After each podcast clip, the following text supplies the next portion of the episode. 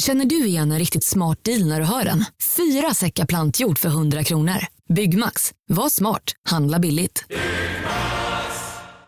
Var du än är och vad du än gör så kan din dag alldeles strax bli lite hetare. För nu är Spicy Chicken McNuggets äntligen tillbaka på McDonalds. En riktigt het comeback för alla som har längtat. Hej och välkomna till podcasten Billgren Wood med mig Sofia Wood. Och med mig Elsa Billgren. Mm, Elsa, det här är vår trendspaningspodcast. Mm. Vi pratar om eh, inredning, konst, design, mat, skönhet. Allt möjligt som vi ser i våra flöden. Sånt som intresserar oss, sånt som finns runt omkring oss. Mm. Och så har vi lite personliga avsnitt ibland. Och idag är det ett väldigt speciellt avsnitt. Mm. Vi ska berätta berätta, eller du ska berätta snarare, vad det är för någonting som du har jobbat med hela sommaren. Mm. Det stora projektet som du ska lansera snart. Just det. Mm. Att jag ska bli astronaut. Välkomna!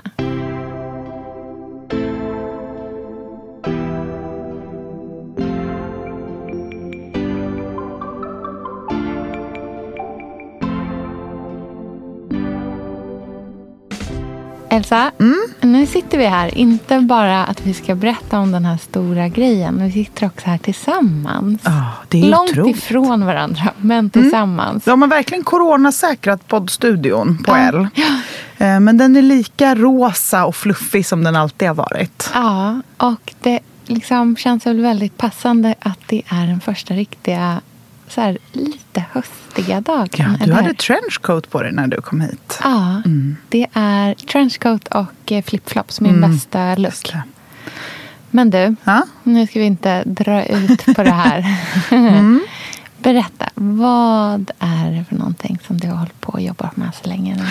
Åh, det är så pinsamt när man bygger upp det så här tycker jag. Jag kommer ihåg när vi pratade om eh, att du skulle släppa bok mm. för första gången. Mm. Och jag kommer ihåg att du skämdes jättemycket. Mm. Eller jag minns det så i alla fall. Mm. Jag skäms ju också jättemycket. Mm. För det finns inget pinsammare än att prata om sig själv på det här sättet. Mm. Men samtidigt så är jag också väldigt stolt och pirrig. Mm. Nej men, för jag har ju skrivit en bok den här sommaren. Mm. Berätta. Um, Vad har du skrivit en bok om? Jag har skrivit en bok om mitt Gotland. Mm. Den ska heta Elsas Gotland. Och det är alltså inte en guidebok till ön. Eh, utan det är helt enkelt ett eh, ramverk kan man säga. Mm. Ett hus, en ö, en, eh, ett, en ram mm. kring eh, det sommarlivet som jag har där under de många, många veckorna och också den känslomässiga resan som det innebär. Ni som lyssnar på podden vet ju att det är väldigt mycket upp och ner mm. när det är sommarlov. För mig och för dig Sofia mm. och kanske för er där hemma också. Mm. Eh, men det är också en berättelse om ett sorgarbete som jag mm. har sysslat med under de fyra åren som vi har haft det här huset. Mm. Men också om drömmen om att servera frukost som på ett butikshotell och känslan av att eh, bli ren av att bada i havet. Mm. Eh, tankar om sommarångest. Den absolut perfekta middagen med vänner. Mm. En sån där underbar julig kväll. Mm. Eh, så det är recept och mycket tankar och texter, inspiration och förhoppningsvis eh, ja, extremt ärligt ibland. Mm. Jag har verkligen försökt att inte censurera mig mm. eh, åt båda håll. För att jag kan ju bli väldigt peppad och drömmande och försvinna iväg. Men jag kan också ha en del ångest och mörka tankar. Och jag tycker att de två känslorna kan få samexistera. Mm. Och att det är lite snålt med det i inspiration. Um, den här baksidan av det, mm. som ja, men svärtan. Mm. Och den här boken har alltså Mira Wickman fotograferat dokumentärt mm. under sommaren. Mm.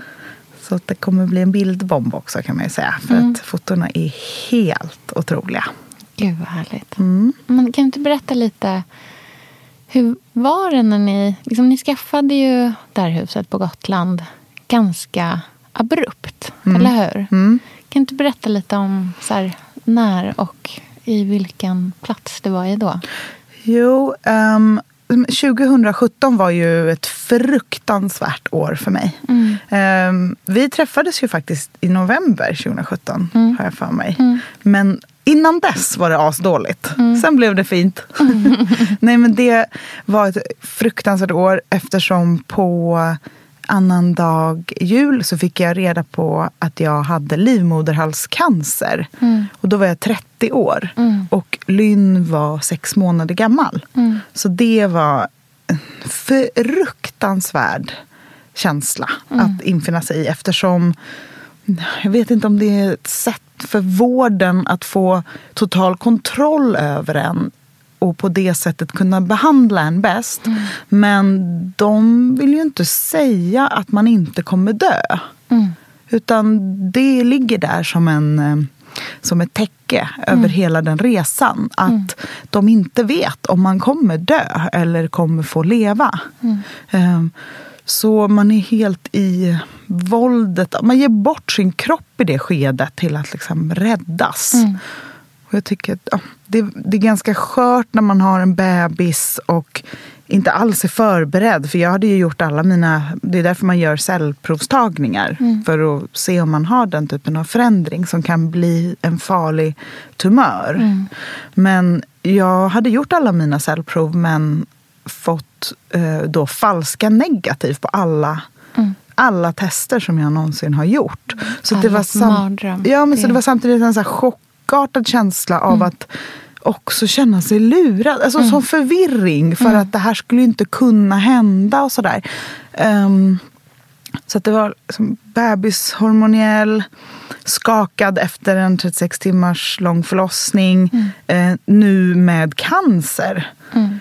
Så hela den vintern var väldigt som ett, en väldigt mörk, mörk, mörk plats. Mm. Och jag opererade mig den första februari 2017 och det var min födelsedag. Mm. Och då tog de bort hela min livmoder, mina mm. äggledare och alla lymfkörtlar i hela bäckenet. Mm. Och det var en ganska snabb procedur. för att man gjorde en undersökning först där, de, där det var så här, nu ska vi se om du får behålla din livmoder eller inte. Mm. Beroende på var tumören sitter så är det lite olika. Så nu är det så här, nu håller vi tummarna. Mm. Och sen efter den undersökningen, för det är en så sövd undersökning. Det är väldigt mycket att man bara måste vara utanför sin kropp hela mm. tiden för att man... Så utlämnad. Ja, så fruktansvärt utlämnad. Um, de bara, nej det går inte att göra något. Den, den, får, den får ryka. Mm. Och kom ihåg att det sa samtidigt som någon så bytte sopor i soptunnan i det här lilla rummet på sjukhuset. Mm. Alltså vet, en sån sekund som mm. är så avgörande. Mm. Att det är också en sån vardag mm. i det. Alltså mm. verkligen, verkligheten pågår samtidigt som någonting avgörande sker. Mm.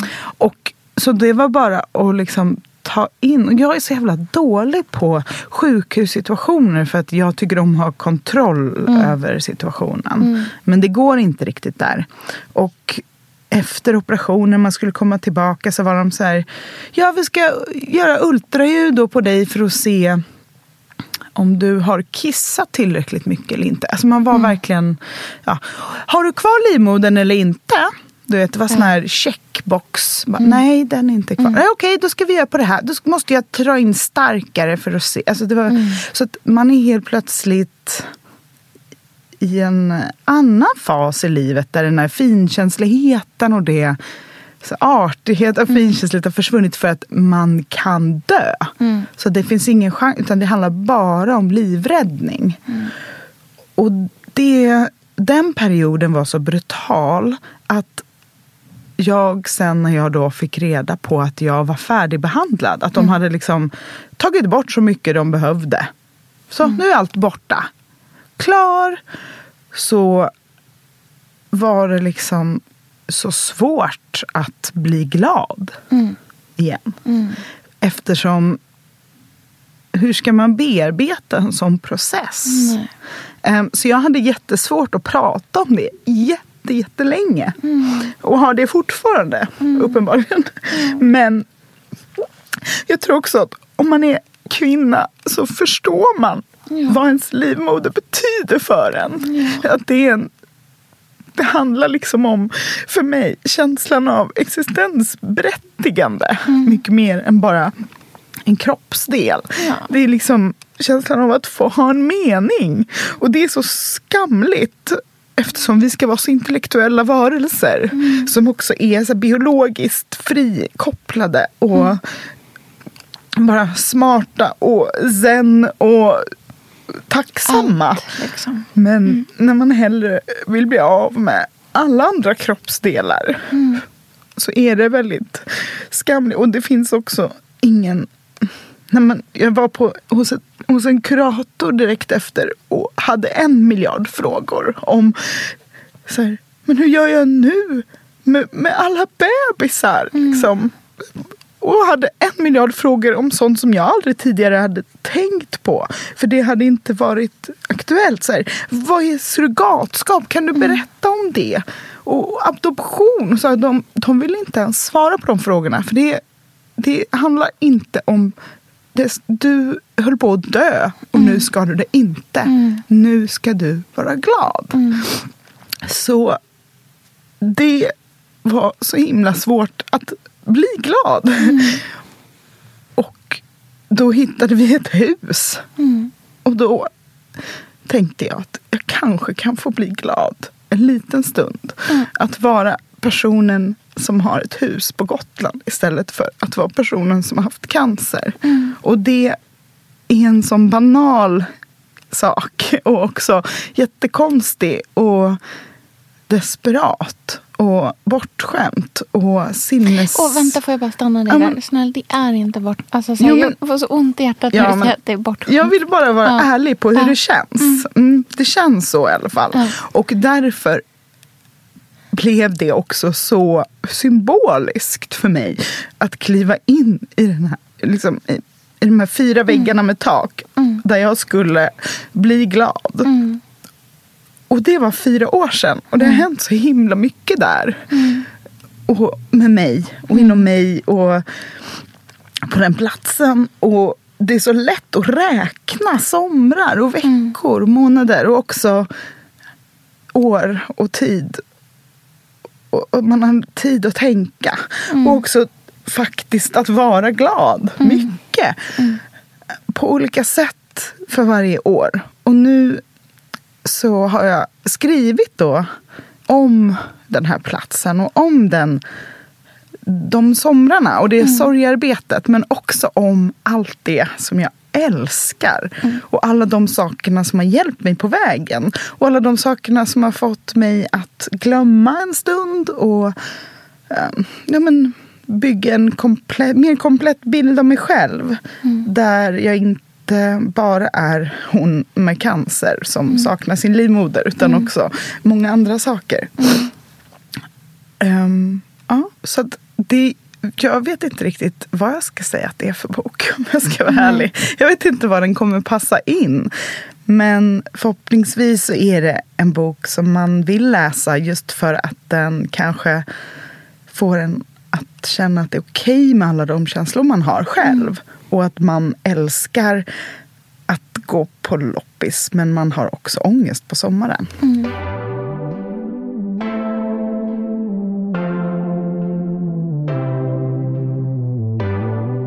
Fint också att få så här, verkligen lyfta fram den platsen som har fyllts av alla de där sakerna som har skänkt dig glädje under de här åren och som kanske har så hjälpt dig framåt i din egna resa. Men att de också får så här hedras med någonting så fint som en bok. Och det mm. tycker jag är så... För det finns någonting i när man liksom jobbar så digitalt hela tiden och saker och ting försvinner efter 24 timmar och det scrollas vidare och sådär. Mm.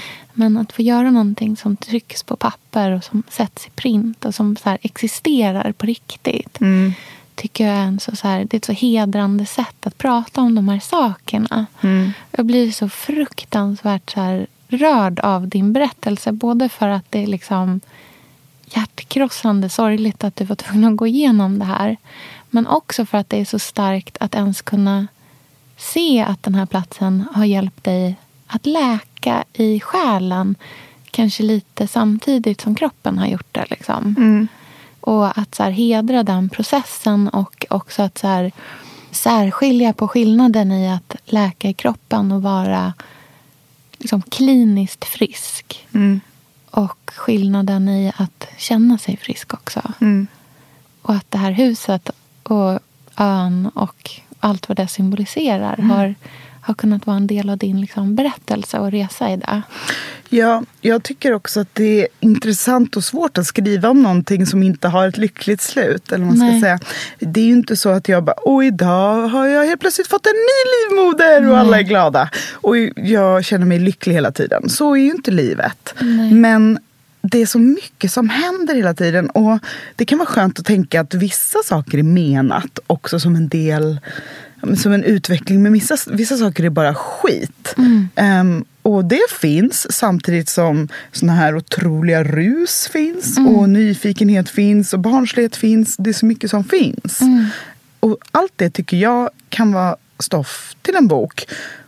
Och det är också spännande att våga chansa och vara ärlig och, och transparent utan att tänka på form och format så mm. mycket. För jag har försökt eh, låta format och form vara så fritt och vilt som det bara kan bli. Mm. Och jag tycker att det känns ganska modernt. Eller, mm. Jag tycker att det är en spännande del av arbetsprocessen. Mm. Att leka med väldigt konstnärligt stämningsfullt foto som är mm. dokumentärt. Samtidigt som man gör en ganska kommersiell produkt mm. som ändå har framsida och baksida. Och det är ändå mycket jag. Mm. Samtidigt som det är um, känslosamma texter och tips och guidningar. Mm. Hur känner du att skrivandet har särskilt, dig, särskilt sig ifrån ditt eh, bloggskrivande? För du skriver ju mycket varje dag, mm. året om. Jag tror att det är mycket lättare det har varit väldigt lätt att skriva just för mm. att jag är van vid att skriva på det här sättet. Det har varit svårt att blogga i sommar eftersom mm. jag har sparat allting till boken. Jag har mm. inte skrivit några nära texter på bloggen. Vi har inte velat, det har liksom känts som att boken ska få första king på när det kommer en idé eller en tanke.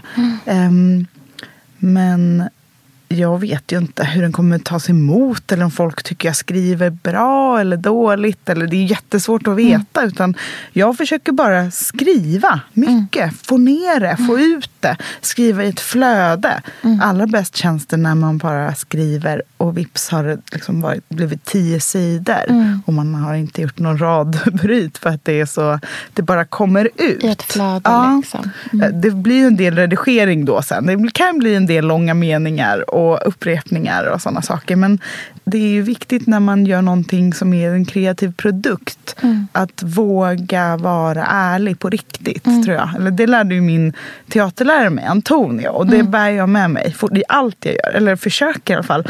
Alltså, man får inte skämmas. Skammen för ärlighet är den största hindret mm. i att skapa en bra produkt. Mm. För att i skammen finns ju ödmjukhet och möten mellan människor. Mm. Vad spännande. Man skäms ju jättemycket. Det är ju världens fånigaste grej att skriva om sig själv och om hur synd det är om en själv. Men det är ju också inte det jag skriver om. Eller jag försöker Nej, inte... jag tänker att det inte alls det handlar om. Liksom. Nej, jag försöker kliva utanför mig själv mycket mm. och se på sorgprocess mm. som en intressant aspekt. Och så titta på det. Och inspiration, titta mm. på det. Och mm, harmoni och så skönhet skriver jag väldigt mycket mm. om. Så mm. skönhet i allt. Um, kan det vara en, en väg framåt via skönhet?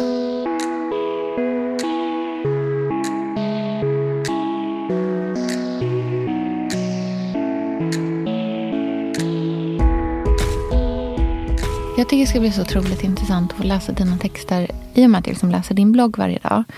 Ibland kan jag känna att man, eh, när man liksom publicerar så lite grann varje dag mm. eh, och det finns en så ganska direkt feedback på vad man har skrivit som mm. kommer liksom samma dag. Den mm. börjar trilla in bara minuterna efter man har tryckt på publicera. Eh, att det kanske ibland ändrar ens röst lite grann. Mm. Att man liksom inte tänker tänker, liksom fortsätter tänka på samma tanke utan mm. att man går vidare. Och mm. Det är liksom så som bloggformatet eh, fungerar och det är intressant på ett sätt. Eh, och det har sina liksom, fördelar. Men det också ska bli så otroligt intressant att se och liksom läsa din, dina texter. Just så, vad händer på sidan 10 när ingen har liksom, när det inte har kommit någon annan, någon annan feedback under tiden som du har skrivit. Alltså när man tänker att mm. du har fått tänka dina tankar ännu mer färdigt kanske än mm. vad man gör i ett så här litet mikro, digitalt mikroformat som man skriver i, i bloggvärlden hela mm. tiden. Liksom. Verkligen. Det känns också jättekul att få skapa texter på flera dimensioner. Sofia, vi är sponsrade av Tradera som är vår favorit, älskling och räddare i nöden. Nu ska alla göra exakt det jag ska göra. Ja. Mitt enda fokus just mm. nu det är att sälja allt jag har. och Jag ska göra det på Tradera. Och, och jag vill rekommendera ja. alla att göra Men det. Så skönt att slippa ha typ loppis på gården och ingen kommer. Talat av egen erfarenhet? Mm, nej, nej, nej, nej. På Tradera det är alltså en otrolig marknadsplats mm. för cirkulär konsumtion. Och Det är liksom så vi måste tänka framöver. Framför allt så ska vi tänka på vår semesterkassa. Den ska vi också tänka på. Den ska fixas nu. Ja, och för att det ska klirra till lagom ja. till semestern så är det lika bra att börja rensa nu. Mm. Vad har vi i skåp? Vad har vi i lådor? Vad kan bli till rena pengar på kontot? Vad kan bli min sommarresa? Mm, vad kan bli den där ja, men den där goda lunchen efter en dag på stranden? Vad kan bli en picknickkorg full av godsaker? Vad kan bli en ny gräsklippare när den gamla pajade? Den här sommaren ska bli den bästa sommaren. Jag vet, det här läste jag faktiskt i tidningen i morse också. Mm -hmm. Att det ska bli en otrolig sommar. det ska vara så soligt, vi kommer bada så mycket. Allt, det ska njutas. Det ska det. Mm. Vi är värda det efter den här vintern. Ja, och vi gör det genom att fixa semesterkassan tillsammans ja. med Tradera. Underbart! Så in och sälj dina saker på Tradera och boosta semesterkassan nu! Tack Tradera på så många sätt. Älskar er!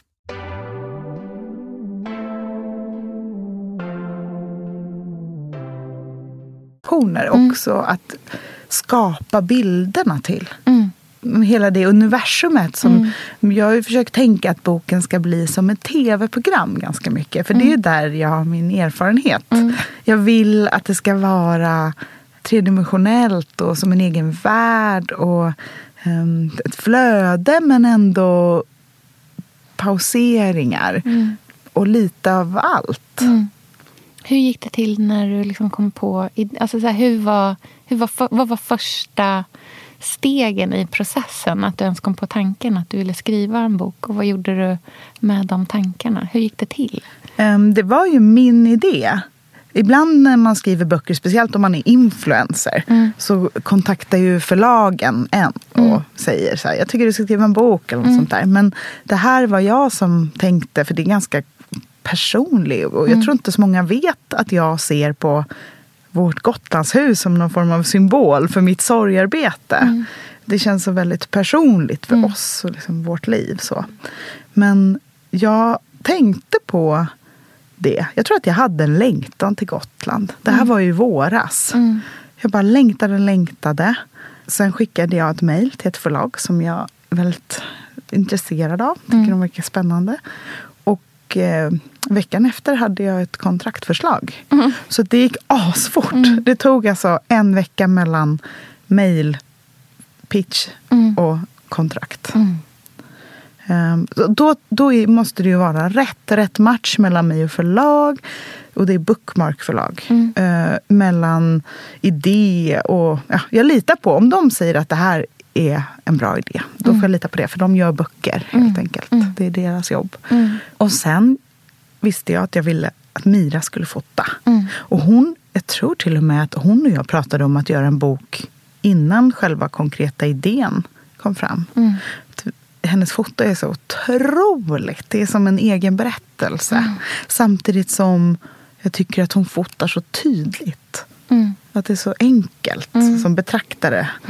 Samtidigt som det är poetiskt så är det glasklart. Mm, verkligen. Um, och den, jag gillar det. Jag, vill att man, jag tycker om saker som är tillgängliga mm. men ändå vågar vara konstnärliga. Mm, precis. Det, jag upplever alltid hennes estetik som väldigt sådär, drömsk men tydlig. Mm. Och eh, man, man förstår vad det Jag förstår hennes bilder. Mm. Alltså, de är ju ofta verkligen så här bedövande vackra. Men mm. också att man bara känner att man, så här, man vet vad man tittar på på mm. något sätt. Att det finns en, så här, en klar blick i dem. Ja, verkligen. Att det finns en positivitet på... i dem. Ja, men hon kan fota interiört, mm. eh, människor i mm. rörelse, mat.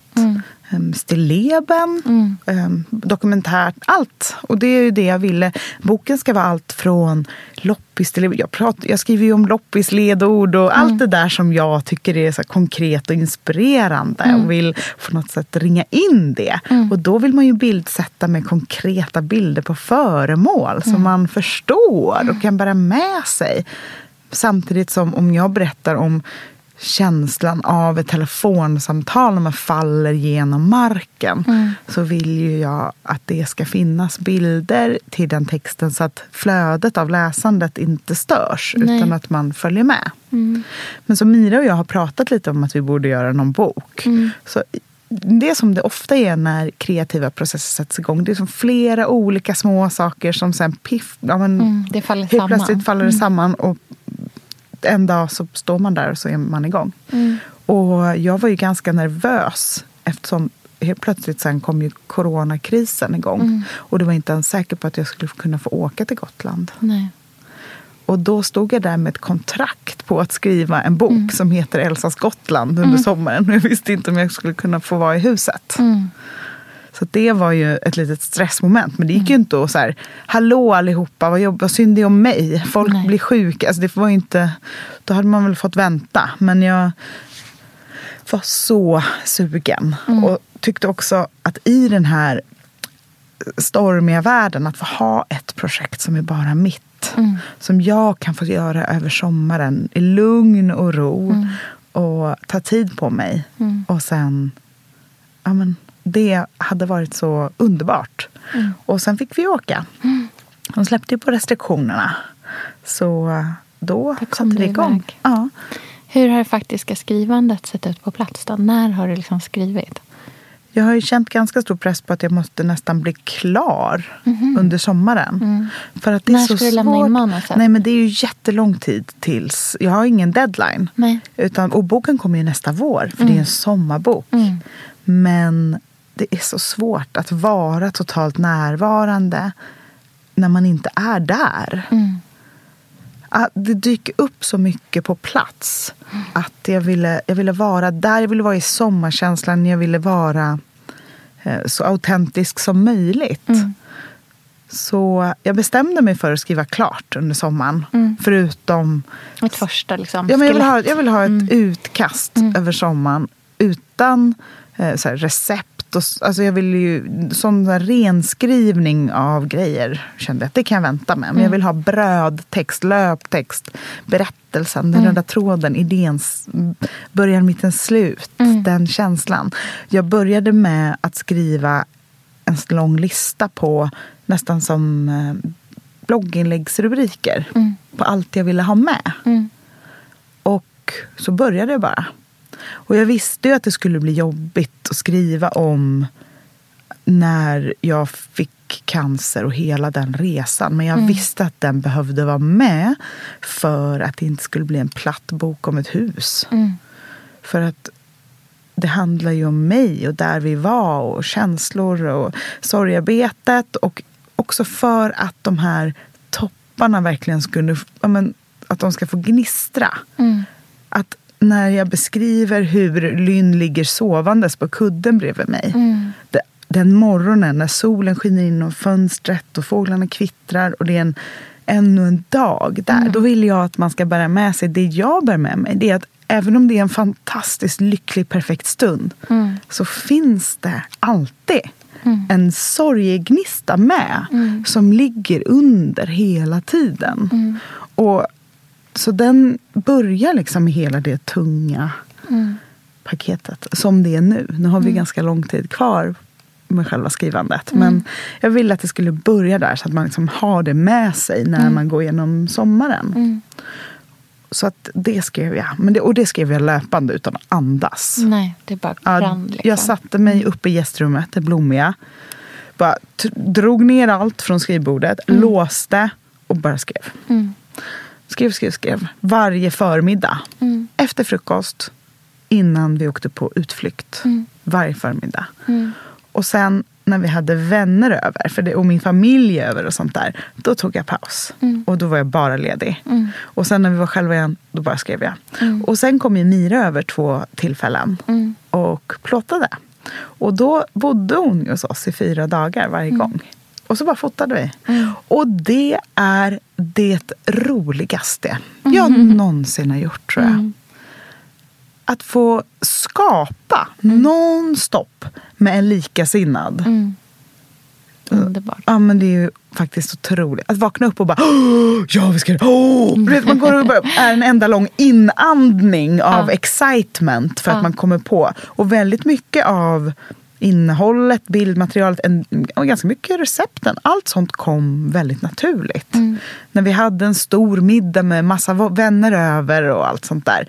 Då tänkte jag, ja men Mira ska ju fota och då vill inte jag då vill jag kunna vara mig själv och ha roligt. Mm. Och att mina gäster också ska ha det. Så att vi, vi lagar bara någonting enkelt och jättegott. Mm. Men så behöver inte det liksom vara med. Nej, vi behöver inte fokusera. Nej, det behöver inte vara konkret. Ja.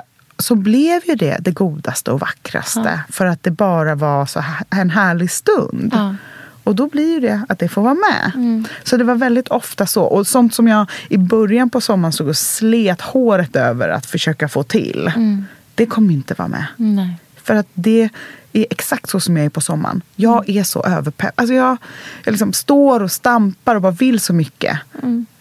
Och sen i slutet på sommaren så är man som en så här dansande, man som Isadora Duncan som bara glider runt i olika sjok. Och allt, blir, allt man rör vid blir liksom till guld. Mm.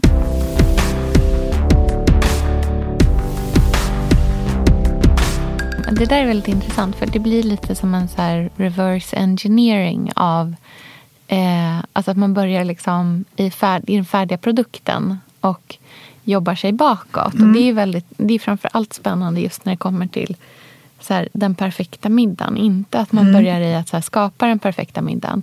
Utan att man är i den perfekta middagen och sen bara jobbar sig bakåt i vad var det den bestod av egentligen. Mm. Alltså den här färdiga produkten. Mm. Liksom den färdiga mm. perfekta middagen. Mm. Det är så himla fint. Men jag har lärt mig ganska mycket. För jag kan ju till exempel känna att mat är ju inte min starka sida. Jag känner mig inte som... Det är så konstigt att du tycker så tycker jag. För att ja, men... varje gång man har ätit hos dig har det varit så här helt otroligt. Ja men då ser du inte hur det ser ut i köket. Och i mitt huvud. Nej, men jag, kan, jag, jag, tror att alltså, när det blir enkelt mm. och man inte behöver slita, det är då det blir bäst. Alltså, det är ju min stora erfarenhet också av att ha liksom gjort recept nu. är att det, så det som folk tycker om är de allra, allra, allra enklaste grejerna. De som mm. man själv tycker om också. Mm. De som man faktiskt lagar. Ja. De grejerna som man orkar ja. att laga. Mm. Inte de som man bara så här, oj, oj vad många ingredienser. Nej. Det är ingen som pallar. Nej. Det är verkligen så. Mm. Hur har eh, Pontus eh, upplevt att det har varit att liksom leva med dig under en sommar där du har varit så dedikerad? Ett liksom hjärteprojekt också. Mm. Jag tror att han tycker om det. Mm. Han tycker om tydlighet. Mm. Han gillar om jag säger så här, nu ska jag gå och skriva en och en halv timme. Ja. Då blir det så enkelt att mm. veta. Um, sen så har vi haft några situationer, han bara, ska du inte gå och skriva? Jag bara, nu när du säger det så kommer det absolut inte gå. Du vet att det är mer åt det hållet. Ja, tack för den pressen. Ja. Att jag tycker jag borde det. Tycker jag skrivit dåligt. Tycker jag skrivit lite. Du vet att man är. Nej, men han var jättehjälpsam i början också att få det att komma igång. Ja. För jag hade lite panik. Ja, men som jag, alltså juni är inte min månad. Nej. Då, ja jag vet inte. Då är det skört. Då är det jäkligt skört alltså. Då ligger jag där och bara, okej, okay, nu ska jag skriva en jävla bok. Ja. Det här kommer aldrig gå. Hur ska jag ens börja? Vad ska vara första ordet? Nu har jag panik. Och han bara, men gud, beskriv bara när du är, börja bara med en, en trygg scen. Ja. Jag bara, okej, okay, okej, okay, Och så började jag skriva och så fick jag läsa upp det för honom direkt. Han bara perfekt. Jag bara tack, nu behöver jag inte dig mer. Ta hand om barnet så går jag och jobbar. Men det var väldigt skönt att komma igång med det. Han liksom, ah, gav mig mm. mycket självförtroende i det och så mm. var det igång. Mm. Men han har, ju, alltså, han har ju varit som en klippa och det är ju också väldigt intressant att tänka ur, men hur mycket ens omgivning, alltså de människorna som man har nära, hur viktiga de är. Vilket mm. otroligt... Eh, men det är verkligen allt. Att jag har fått möjligheten att kunna få vara så här egocentrisk den här sommaren är en sån blessing. Mm. För att just nu när det är snart september och det är en ganska härlig tid framöver, så ordning och reda. Att jag har så mycket textmaterial och bildmaterial från mm. sommaren gör att jag känner mig så lugn mm. För, för resten av processen. Mm. Och vi ska ju åka tillbaka väldigt snart, mm. två vänder. Mm. Och då ska vi bara vara lediga. Mm. Och det ska bli så härligt. Då ska vi tömma alla äppel och plommonträd på frukt. Och vi ska göra must och vi ska åka och köpa jättemycket grönsaker och mm. bara glida runt i galonisar och gummistövlar och stå vid det stormande havet och allt mm. det där som är så himla härligt. Det känns som alla som har eh, som ofta semestrar på sådana så klassiska semesterorter som många andra åker till också är framför allt väldigt förtjusta i att åka dit off-season. Mm. Att de nästan tycker att det är härligare då när det inte är riktigt lika mycket folk där. Liksom. Nej, men sommaren är ju så mycket sociala intryck mm. och förhoppningar och drömmar och längtan och mm. man vill baka det och fixa där och mm. måla där. Men höst och vår och sådär när det är vädret går inte att lita på, det är inte så mycket folk, en del saker är stängda. Då är det ju mycket mer bara vi och naturen. Mm. Och det är en väldigt härlig känsla och det blir en absolut kontrast mm. till stan.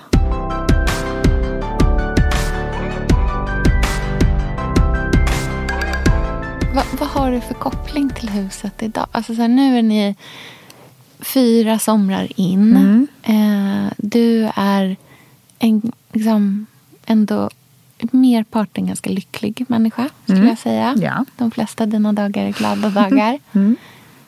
Hur känner du för huset idag? Liksom? Men huset har ju blivit som en familjemedlem på ett sätt. Mm. Vi har ju verkligen tagit oss an det och gjort det till vårt. Och det skriver jag också om i boken. Mm. Hur mycket vi har liksom slitit med det och alla känslor upp och ner och sådär. Mm. Um, men jag är också fullt medveten om att det är bara inom citationstecken ett hus. Mm. Det är liksom inte känslor och um, själ. Eller till viss del är det väl det.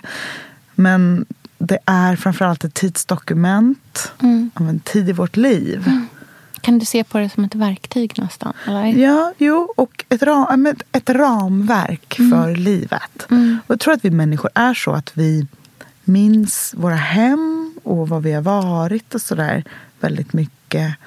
Um, att vi placerar vårt mående i var vi befinner oss. Mm. Det är lätt att tänka på det där första hemmet mm. och hur lycklig man var där när man var nykär. Bäb, när man hade en liten bebis, var mm. man bodde då. Allting blir ju förskönat med mm. tiden också. Mm. Ja, nej men vi får se. Det är ju, nu är det ju klart också och det är en väldigt speciell känsla. Mm, du tänker liksom alltså så här, renoveringen ja, av alltså huset? Det är ju det är inrett det är mm. klart. Men å andra sidan så är ett hus aldrig klart. Utan det är ju någonting som man måste vårda. Mm. Speciellt ett gammalt hus. Mm. När man har målat klart ett fönster så har det ju hunnit liksom börja flaga på det mm. på andra Det som man började med. Mm, som Golden Gate-bron. Ja men precis. Så det är alltid någonting att göra. Mm.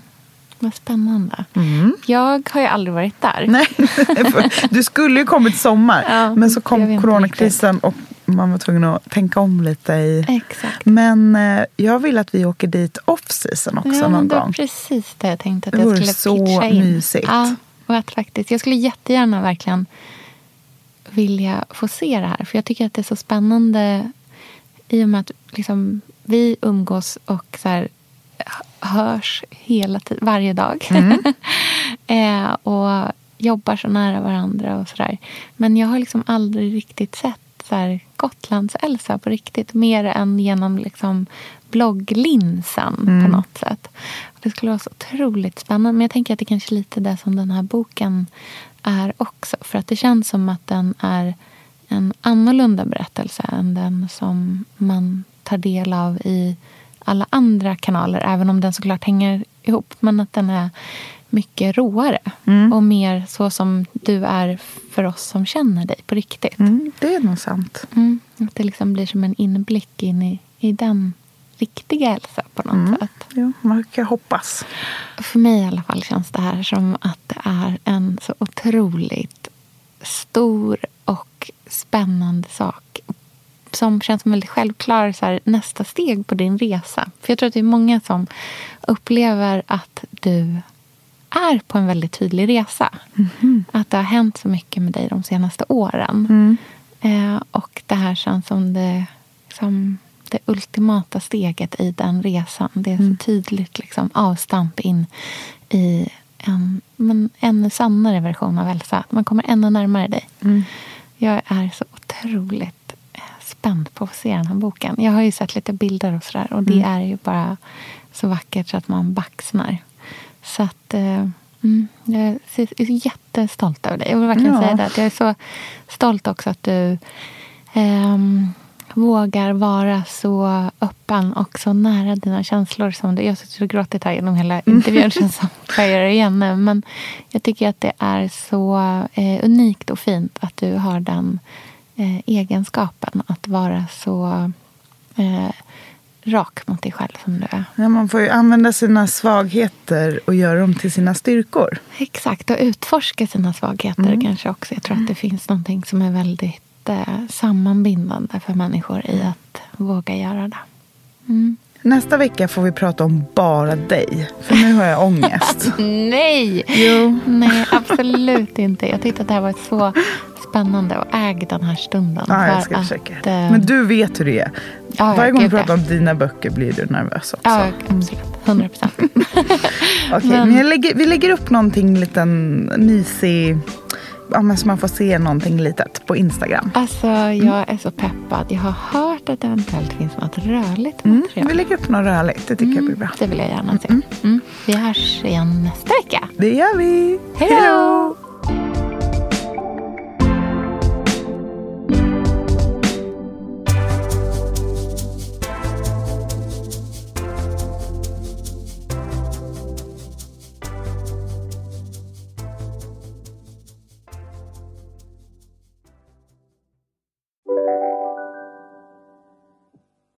Lyssna på en ekonomistats podcast om du vill lära dig mer om döden, livet, kärlek, sex och hur allt hänger ihop med pengar på något sätt. Med mig Pingis. Och med mig Hanna. I samarbete med Nordax Bank. Hej, Synoptik här. Visste du att solens UV-strålar kan vara skadliga och åldra dina ögon i förtid? Kom in till oss så hjälper vi dig att hitta rätt solglasögon som skyddar dina ögon. Välkommen till Synoptik. Dåliga vibrationer är att skära av sig tummen i köket. Ja! Bra vibrationer är att du har en tumme till och kan scrolla vidare. Få bra vibrationer med Vimla. Mobiloperatören med Sveriges nöjdaste kunder enligt SKI.